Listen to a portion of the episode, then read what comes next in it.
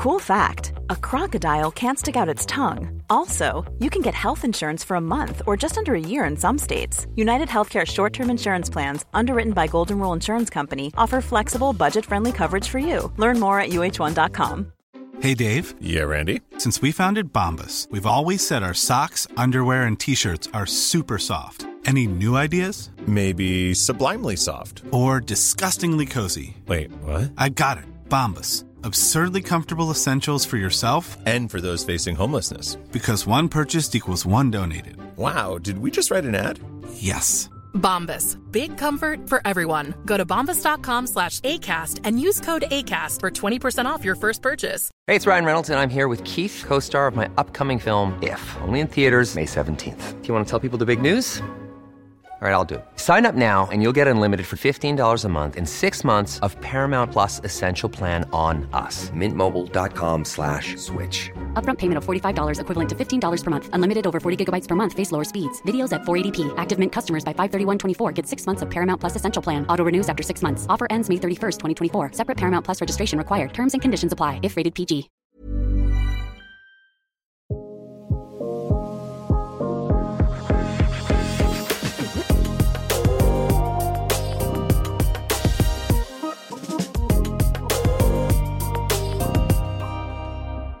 Välkommen till säsongspremiären av Smarta Cash. Det är så kul att vara tillbaka med podden för att prata pengar ur olika perspektiv igen. Och idag tar vi avstamp i vad som händer här och nu och fokuserar på hur den nya budgeten kommer påverka våra plånböcker.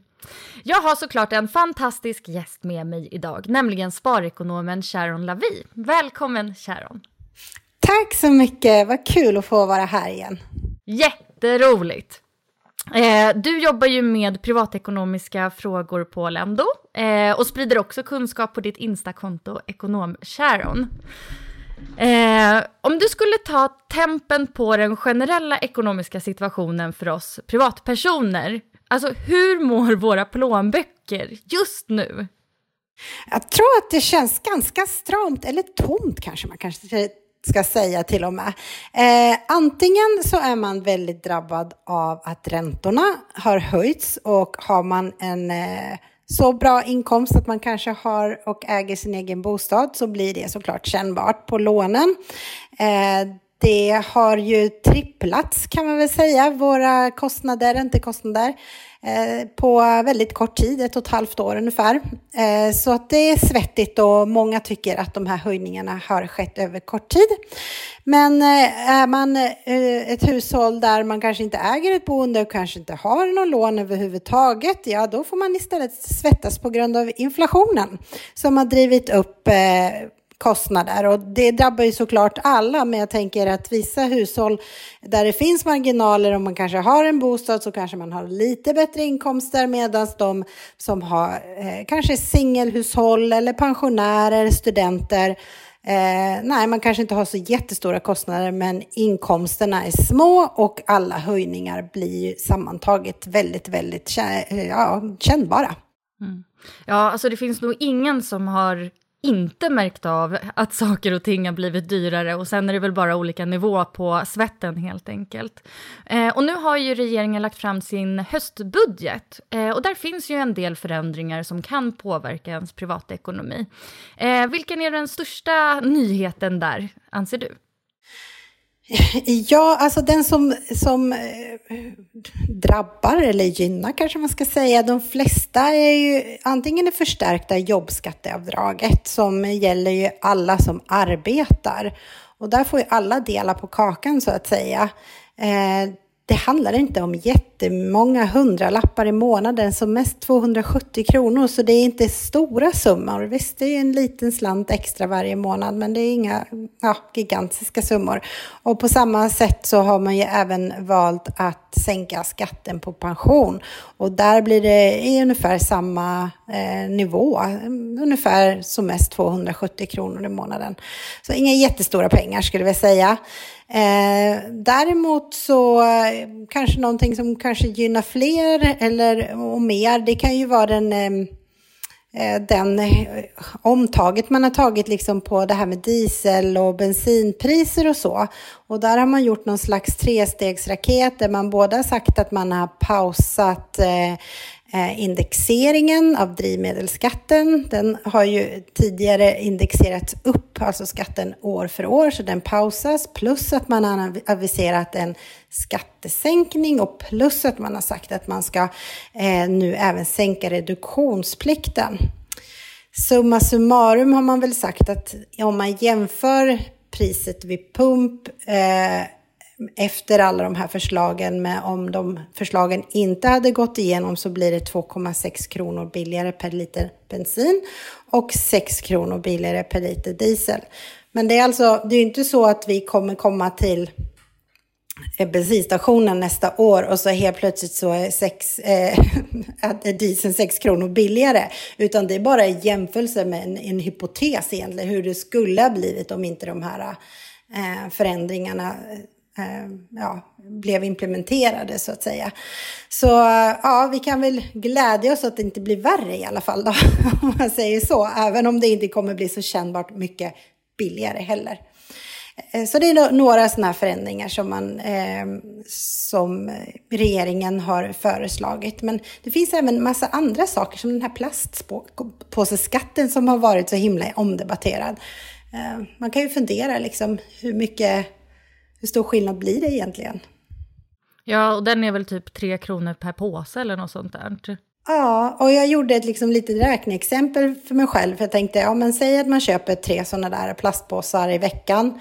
Och så kanske man köper tre stycken sådana här mindre plastpåsar för att man ska ha tomaterna i eller äpplen eller någonting. Ja, vad blir det på ett år? Ja, det blir 515 kronor på ett år. Så det, det är inte så här fantastiskt jättestor skillnad. Men det är klart, ja, många bäckar små såklart. Mm. Eh, en annan grej det snackats lite om det är ju den här pausningen av eh, höjningen av brytpunkten för statlig inkomstskatt. Eh, vad, inne, vad, vad innebär den? Jo, men varje år så indexerar man upp brytpunkten för statlig skatt och det innebär att eh, egentligen är det så här att alla som tjänar över cirka 51 000 kronor under 2023 eh, betalar statlig skatt på summan som överstiger 51 000 kronor i månaden. Alltså. Eh, och med den här indexeringen som skulle ske Eh, så skulle man alltså höja den här brytpunkten så att då skulle eh, bara människor som tjänar över 57 000 kronor i månaden betala statlig skatt. Vilket innebär i praktiken att den här summan som ligger mellan 51 och 57 000 den blir ju liksom, eh, eh, ja det blir lägre skatt på den eh, än om den här indexeringen hade skett. Eh, jag vet inte om jag förklarar det tydligt nog, men helt enkelt innebär det att, att färre behöver betala den statliga skatten och man betalar, ja, har man väldigt höga inkomster så betalar man lite mindre i skatt om brytpunkten höjs. Eh, enkelt förklarat. Men nu har man alltså regeringen sagt att istället eh, för att då höja den här brytpunkten och att eh, färre skulle betala statlig skatt så låter man den ligga kvar på samma nivå som under 2023. Och de pengarna som man egentligen hade förlorat eh, in till statskassan med, mm, på grund av att färre betalar statlig skatt tar man istället och fördelar om till alla arbetande eh, människor, alla de som har inkomst av tjänst och till alla pensionärer då genom det här förstärkta jobbskatteavdraget och förstärkta höjda grundavdraget. Mm. Eh, så de, de gick lite där hand i hand, jobbskatteavdraget och den här brytpunkts... Eh...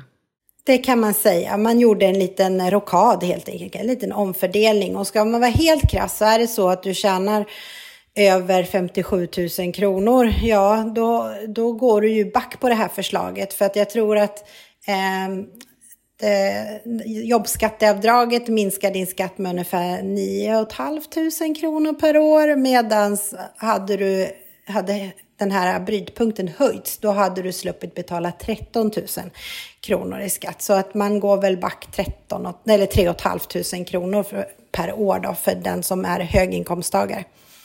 Um, ja. Eh, rut och rot, eller säger man rot och rut? Eh, rot och rut, ja. rot och rut, rut och rot. Ja, vad händer där? ja.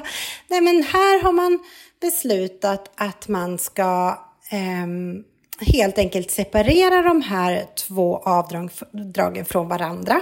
Först och främst, förr så var det ju så att det gemensamt kunde man göra avdrag med 75 000 kronor per år per person. Eh, nu är det alltså 75 000 för ROT och 75 000 för RUT. Och eh, i den här eh, sammanslagningen så sa man att max kunde man dra av 50 000 för ROT då. Men nu har man alltså höjt det till 75. Eh, och ja, vad innebär det? Det innebär att om du har en stor renovering och där du har väldigt höga arbetskostnader så får du alltså dra av 75 000 kronor tutti från din eh, räkning.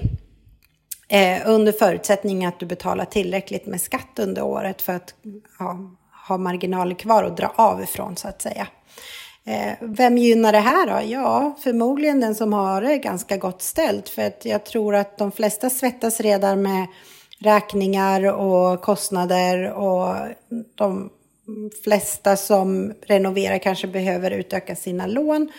Och det känns inte som att det är någonting gemene man kanske går ut och gör just nu, att man ökar på lånen ännu mer.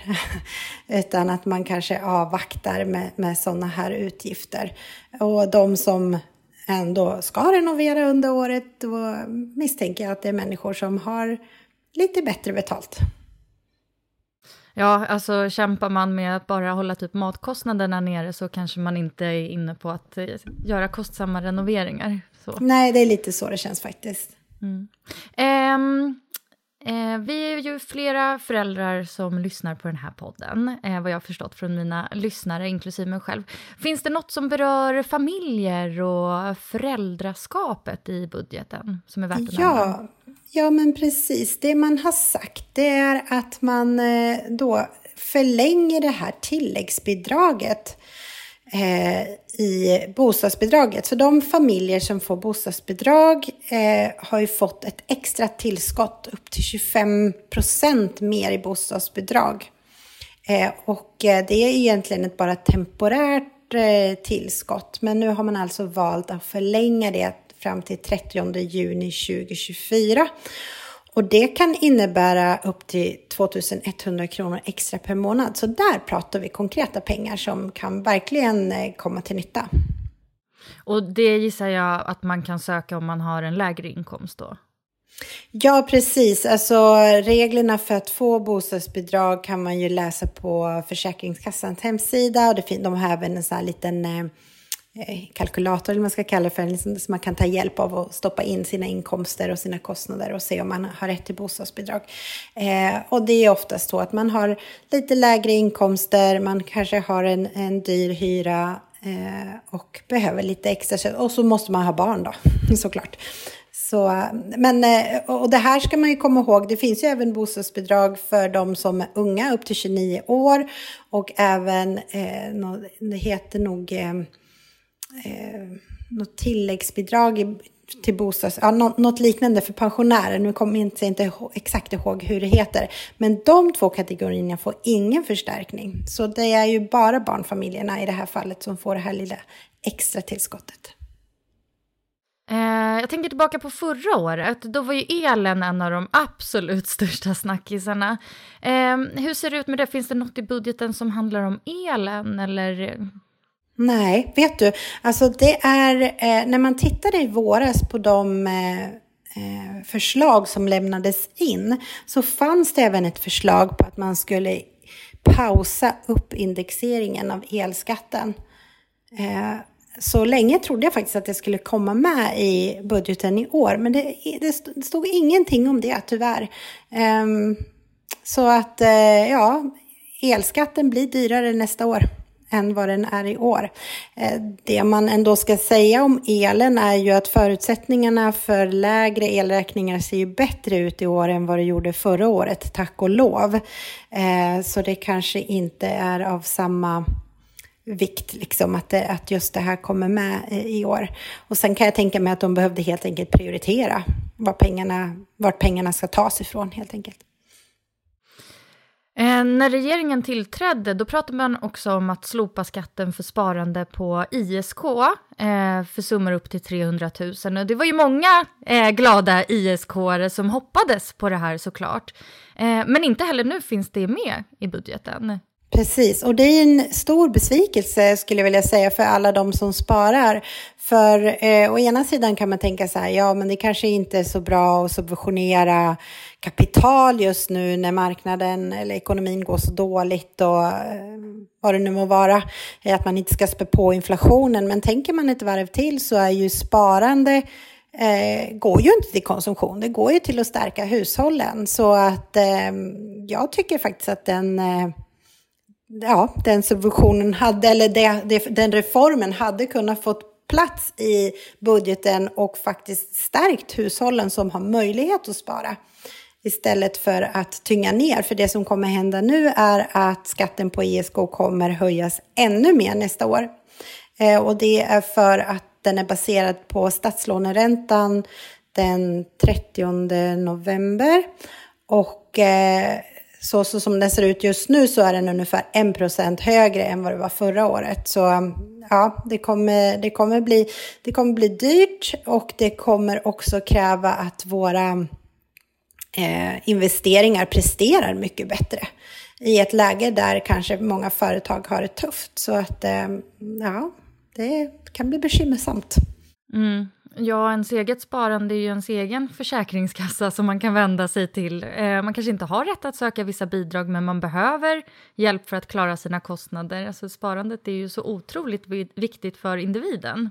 Verkligen. Mm, så jag kan bara hålla med. Det hade varit välkommet. Vad är din analys av den här budgeten? Alltså vad säger den? Var är vi på väg? Är den bra? Är den dålig? Ja, alltså jag man, man, kan ha två liksom, olika syn på det hela. Ena perspektivet kan ju handla om att man tänker så här, ja men den är ganska neutral, att den eh, varken eldar på eller dämpar inflationen, att den är ganska moderat, det är ingen som får jättemycket liksom, pengar Förutom faktiskt, det har vi glömt att prata om, de här pensionärerna som är födda 57. De får ju en klumpsumma nästa sommar, så där ser jag ser man fram emot en härlig semester kan jag säga. Vänta, och det eh, var de, alltså, de pensionärerna som då hamnade i kläm av någon regelförändring, eller hur? Ja, men precis. Alltså, så här är det. Eh, det finns ett grundavdrag som alla får. Och när man eh, kommer upp till en viss ålder så blir det ett förhöjt grundavdrag. Och det som hände i den här processen var att man höjde åldern för pension. Men man glömde att även de människor som faktiskt då klassas som pensionärer ska även få det här höjda grundavdraget. Så det är en hel eh, årskull som helt enkelt gick miste av det här extra tillskottet. Och det gör att eh, nu så har regeringen sagt att alla de här människorna ska kompenseras och de ska få en klumpsumma utbetalad på sitt skattekonto från och med den 1 juli 2024. Och som mest, alltså det kan handla över ja, 25 000 kronor som man kan få skattefritt på kontot. Och det är inte illa. Mm. Trevligt mm. för 57orna då, med lite kompensation. ja, eh, men du var inne på din analys av eh, budgeten. Ja. Men precis. Så å ena sidan kan man kalla det för en ganska neutral budget. Det är ingen eh, som får jättemycket pengar. Det ska inte elda på eh, konsumtionen. Vi ska fortfarande kämpa emot inflationen. Och eh, vi, hushållen har inte så jättemycket mer att röra sig med helt enkelt. Däremot så, så stryper det vissa indexeringar på så sätt att det inte blir jättemycket dyrare att leva heller. Det, det är ena sidan, så kan man se på det. Den andra sidan är att många resonerar som så att inflationen är, att vi är snart där vid mål, vi på 2 och att det under 2024 kommer vi hamna nära inflationsmålet och att vi samtidigt har strypt ekonomin så pass mycket så att nu krävs det liksom lite mer eh, vad ska man säga, lite mer gas i, i ekonomin för att, att, att både företag ska klara sig och att människor inte ska bli av med jobben. Så man, tänker, man tycker att liksom så här, man borde ha tänkt lite mer framåt än bara tänkt på hur situationen ser ut just nu. Och ja, det, det återstår ju att se vilken syn som är rätt för att det, som vi vet i omvärlden kan det saker och ting hända snabbt. Och även om vi har sett att inflationen har gått ner markant under augusti så stod den ganska still på en hög nivå under sommaren. Och eh, en bidragande, bidragande orsak till att, att inflationen har sjunkit väldigt mycket i augusti är för att priserna på energi var skyhöga i augusti förra året. Så i jämförelse med det så är det klart en sänkning då. Men vi måste ju se att det fortsätter neråt på alla fronter. Och där har ju bland annat Riksbanken flaggat för att tjänstepriserna fortfarande är på väg upp. Och tjänster, det kan ju vara allt från juridiktjänster, transporttjänster, lagertjänster, restaurang, hotell, alltså allting som inte är varor. Det är fortfarande på väg upp. Så eh, ja, vi får se vem som har rätt helt enkelt. Eh, klassisk eh, budgetfråga. Vilka är vinnarna på den här budgeten? Precis. Man kan väl säga så här att vinnarna är ju främst de här 57orna som vi pratade om. Eh, barnfamiljer med förstärkt bostadsbidrag eh, kan känna sig lite extra lyckligt lottade. Eh, de som har råd att renovera mycket på grund av att de får ett höjt rotavdrag.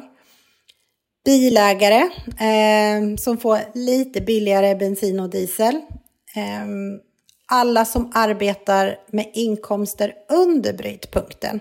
För de gynnas ju av den här eh, det här jobbskatteavdraget.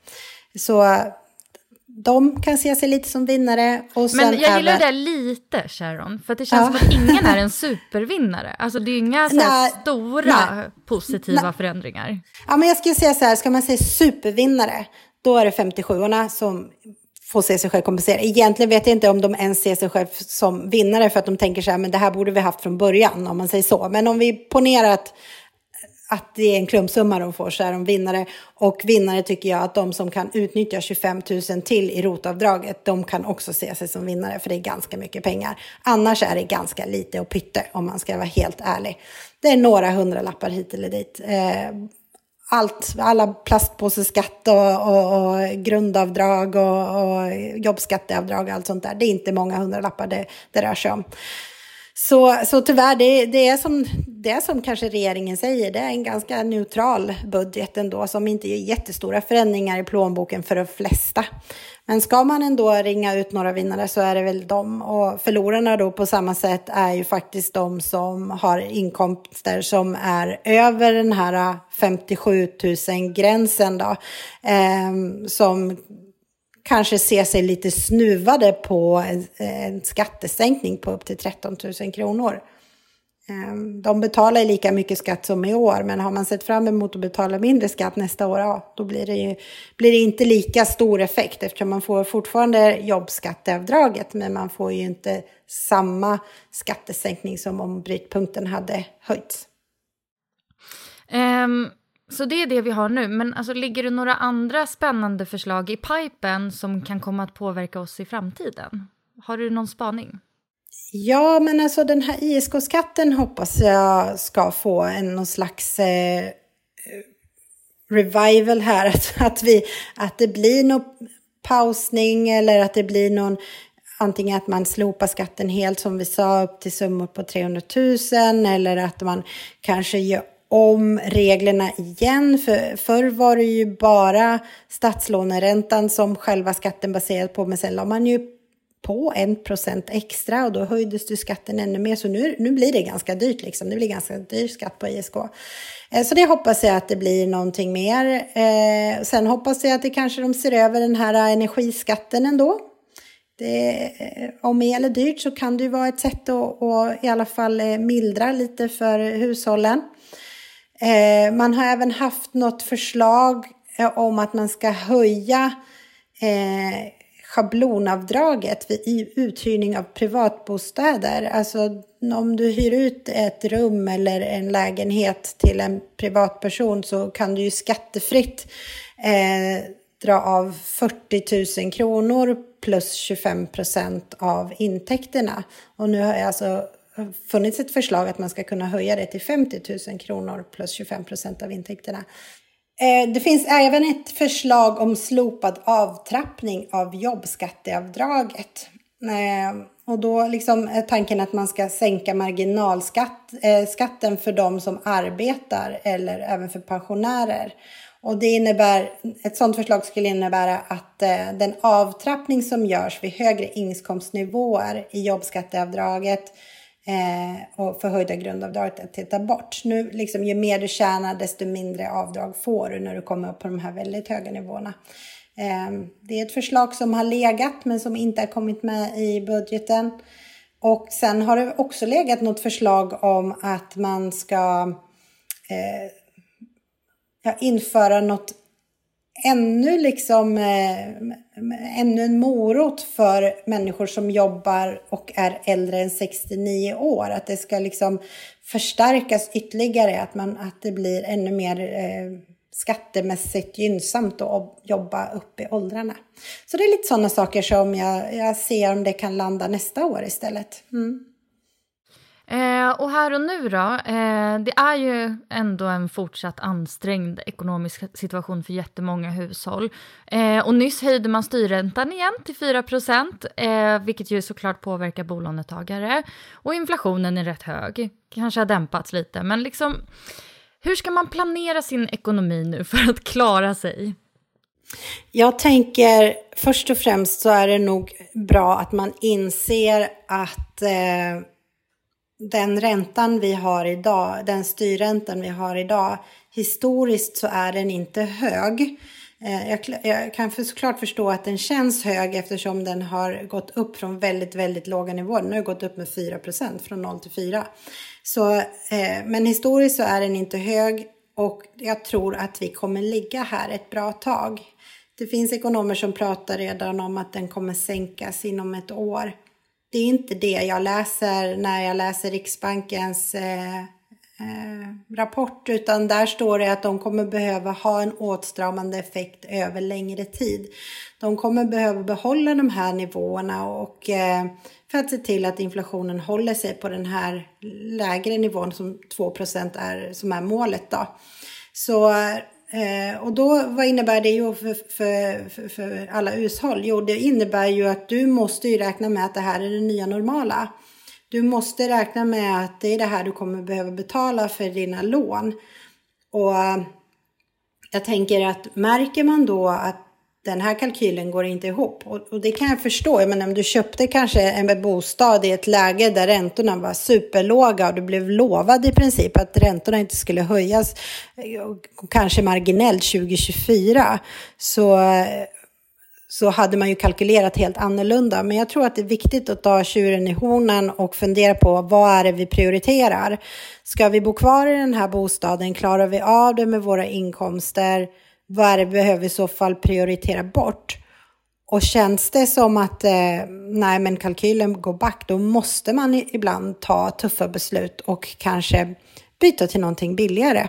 Eh, men det är klart upp till varje familj. Vissa prioriterar väldigt mycket bostaden och tycker att, eh, att vi eh, bor på ett visst ställe eller att ha det tillräckligt eh, stort eller eh, ja, på ett visst sätt är prioriterat framför till exempel andra saker som resor eller konsumtion eller en bil eller vad det må vara.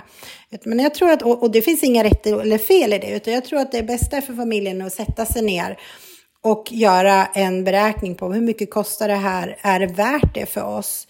Eh, om ja, vad behöver vi prioritera ner? Det finns alltid små saker man kan göra då som familj, liksom när man ska strama in på saker. Alltså man börjar alltid med saker som, som inte svider jättemycket, kanske lite abonnemang och kolla om man kan förhandla om räntan eller förhandla om eh, hemförsäkringen, bilförsäkring, sådana saker. Eh, säga upp något Netflix-abonnemang eller om man har alla möjliga streamingtjänster. Sådana saker kan ju ge lite hundralappar här och där. Men om kalkylen verkligen inte går ihop, ja, men då måste man ju göra en alternativ plan. Och jag tänker att ju snabbare man gör det, desto bättre förutsättningar har man för att inte hamna i knipa. Men bra där att du nämnde lite sådana quick fixes också för vad man ändå kan göra, alltså om man vill få loss lite, lite pengar innan man fattar de här stora besluten. Jag måste bara säga, jag såg på Nyhetsmorgon, jag tyckte det var ganska inspirerande, då var det en tvåbarnsfamilj. Eh, de hade då bott, ja men typ normalstort för en person för fyra personer, jag kommer inte ihåg om det var villa eller lägenhet. Men de flyttade då till en, eh, ja men det var typ en etta och en halva alltså eller mini 2 på så 38 kvadrat eller någonting och gjorde så här super compact living för att få ner kostnaderna. Eh, nu var ju de superhändiga också, hade eh, platsbyggt mycket saker, så det, de fick det att funka på något sätt. Men det är inspirerande att se eh, hur, hur man kan göra annorlunda för att komma ner i pris och det kan bli ganska bra ändå. Ja, men precis. Och jag tror att ibland så handlar det om ett mindset. Alltså, vad, eh, sätt dig ner och tänk riktigt ordentligt. Vad är det jag verkligen prioriterar? Jag menar, det finns familjer där det absolut viktigaste är att man ska kunna hitta på massa saker, göra saker tillsammans, kanske resa, göra utflykter, besöka släkter som bor i en annan del av landet, vad vet jag. Alltså att man vill, man vill ha utrymme till att, att leva. Um, och då kanske man kan tänka sig att eh, leva lite mer kompakt. Barnen kan dela rum, eh, föräldrarna kan bo på en bäddsoffa. Alltså jag har sett många lösningar och det finns inga fel, verkligen inte. Det är en prioriteringsfråga och det kan absolut funka. Och jag tror inte att de barnen eller de vuxna i de familjerna mår sämre. Kanske snarare tvärtom, man kanske kommer varandra mycket närmare än om man har ett slott där var sitt, var, varje person sitter liksom i sitt hörn. Eh, däremot så finns det andra familjer där man tycker just att hemmet är min borg och här umgås vi och det är här vi umgås med våra vänner och det är här allting cirkulerar och barnens kompisar kommer över och det är viktigt att vi får plats med alla och liksom middagar och sådana saker. Och kanske tycker att det är mindre viktigt att, vi, att det finns plats eh, eller tid och pengar till att gå på restauranger eller liksom resa och sådana saker. Så att jag, jag ekonomi handlar ju om att lite för sig själv fundera på hur vill jag att mitt liv ska se ut? Och liksom följ den drömmen och försök att liksom då eh, eh, nedprioritera det andra som inte är lika viktigt. Det, för de flesta av oss, vi kan vi inte få allt, tyvärr. vi måste ju välja lite. Ja, men vilket eh, jättefint avslut det blir. Följ din egen dröm. Kan vi summera ja, det, det tycker så? jag. Ja. ja. Tack så jättemycket Sharon för att du var med här i Smarta Cash igen. Tack för att jag fick komma. Eh, och eh, man kan ju hitta dig på Instagram som sagt. Du kan ju själv säga vad du heter där och vart man kan hitta dig annars. Ja, det är på Instagram, ekonomsharon, och så kan man följa min blogg på lendo.se. Underbart. Eh, och mig hittar man på Smarta Cash Podcast på Instagram och man kan också mejla mig smartacashpodcast.gmail.com. Eh, du kan till exempel tipsa om vem jag ska med i podden eller något ämne som du skulle vilja att jag tar upp. Stort tack till dig som har lyssnat på det här. Vi hörs igen nästa vecka. Hej då!